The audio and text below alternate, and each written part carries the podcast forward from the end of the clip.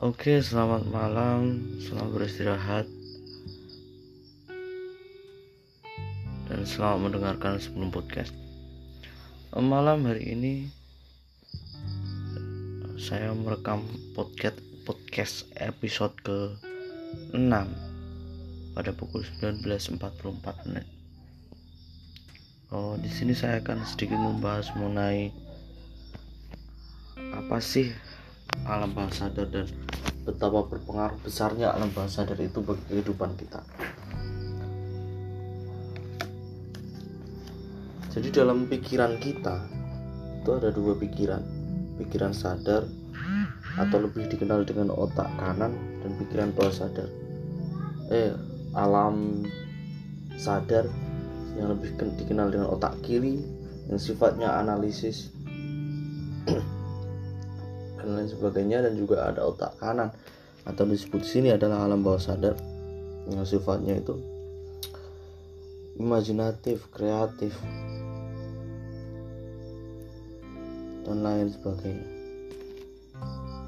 Dari dua uh, pikiran itu, alam pikiran itu ada dua fungsi. Yang satu dari otak kiri adalah bersifat analisis, yang nantinya ketika ada sesuatu yang masuk ke dalam pikiran kita itu dianalisis oleh, oleh otak kiri. Kemudian ketika gagal dianalisis oleh otak kiri maka akan masuk ke tahap berikutnya yaitu otak kanan atau alam bawah sadar. Nah di situ ketika sudah diproses oleh otak kiri kemudian masuk ke alam bawah sadar uh, alam bawah sadar itu adalah tempat gudangnya ingatan tempat gudangnya uh, uh, watak kita watak yang sebenarnya gitu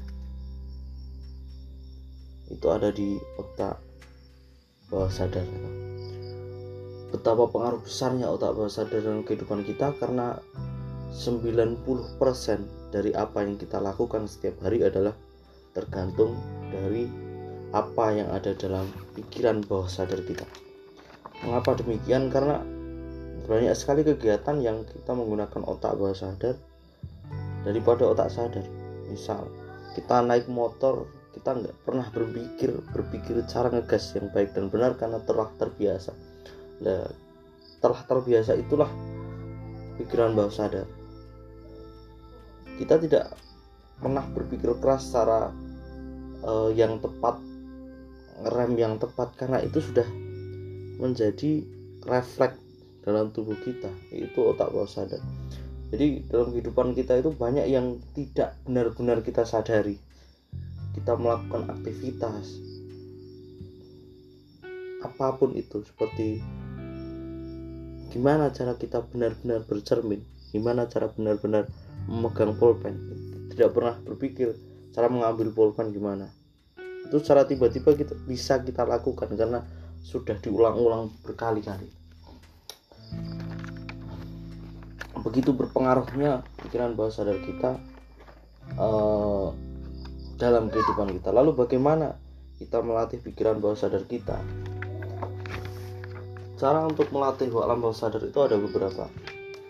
Salah satunya adalah repetisi. Repetisi adalah pengulangan-pengulangan uh, dalam melakukan sesuatu. Yang pertama yang harus kita lakukan adalah kita aware atau menyadari apa yang kita lakukan. Cara untuk ketika kita melakukan sesuatu yang salah maka yang pertama harus kita lakukan adalah menyadari bahwa yang kita lakukan adalah salah. Setelah kita sadar berarti kita ada peluang untuk merubah apa yang ada dalam pikiran bawah sadar. Kemudian baru ke tahap berikutnya itu repetisi atau pengulangan uh, ketika kita mau mengubah suatu kebiasaan ke kebiasaan baru itu sangat sulit dilakukan kecuali dengan mengulang-ulangnya berkali-kali. Untuk apa? Untuk menembus faktor kritis pikiran kita. Uh, untuk menanamkan norma atau moral baru ke dalam pikiran kita tidak serta-merta langsung kita ucapkan sekali itu langsung selesai tapi harus berulang-ulang kali agar program itu tertanam dan benar-benar tertanam dan tidak bisa dicabut lagi. Oleh karena itu banyak dari kita tidak pernah bahagia karena apa? Karena pikiran uh, program bahagia yang ia tanamkan dari dulu adalah tidak sesuai dengan apa yang ada dalam pikiran bawah sadarnya. Berbeda dengan apa yang ada dalam pikiran bawah sadarnya. Maka dari itu kita tanamkan program yang baru uh, agar agar apa yang dilakukan bekerja.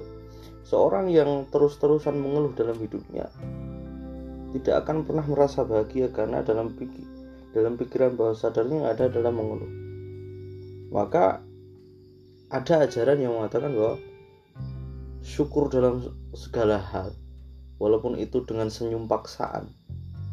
Lama kelamaan itu akan menjadi uh, sebuah program baru dalam pikiran bawah sadar.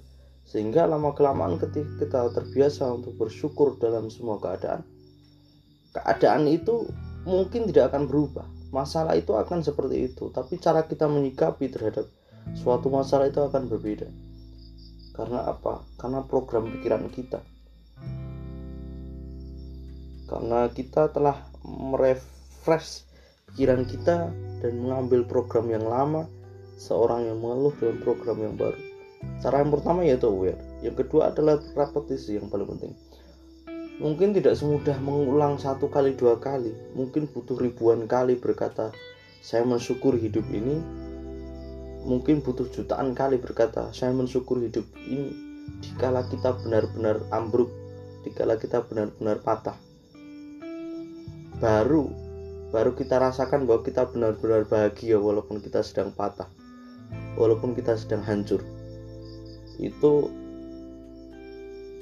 adalah uh, mengenai apa uh, pikiran bahasa dan pikiran sadar itu senada dengan kata-kata uh, filosofi teras filosofi yang sangat sangat praktis dan mudah dipraktekkan bahwa sebenarnya kebahagiaan itu tidak berasal dari luar. Kebahagiaan itu berasal dari diri kita sendiri. Kita bisa menyikapi apa pun yang ada di luar.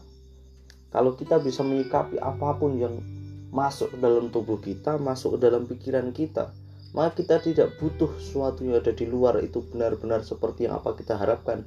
Kita rubah saja harapan kita agar sesuai dengan keadaan yang ada. Itu menurut filosofi teras yang jadi menurut filosofi teras adalah ada sesuatu yang bisa dikendalikan dan ada yang tidak bisa dikendalikan Kenapa kamu berusaha memikirkan apa yang tidak bisa kamu kendalikan sementara kamu punya yang lebih hebat yaitu sesuatu yang bisa kamu kendalikan yaitu mindset atau program pikiran kita. Seperti misal ketika kita hujan daripada kita mengeluhkan ingin terang, mending kita bersyukur karena dulu kita berharap hujan. Ketika panas daripada kita mengeluh, mengeluh tidak hujan-hujan, lebih baik kita bersyukur karena dulu kita sudah berharap hujan lihat dari sudut pandang lain maka itu akan merubah cara berpikir kita merubah cara kebiasa, eh, kebiasaan kita mengenai uh, kehidupan ini. Itu adalah prinsip dari otak bawah sadar yaitu ketika kita sebuah pesan itu masuk ketika saringannya kotor dan masuk tanpa saringan maka yang terjadi adalah itu tertanam selamanya di situ dan menjadi kebiasaan-kebiasaan kita yang sulit untuk dicabut lagi. Cara mencabutnya itu kita aware, kita sadari itu sebuah kesalahan, maka kita cabut, kita ulang-ulang tanam terus. Mungkin butuh jutaan kali, miliaran kali kata-kata itu diulang sampai benar-benar kita bisa merasakan apa yang kita tanamkan dengan ucapan-ucapan itu. Mungkin itu saja pada malam hari ini. Selamat beristirahat.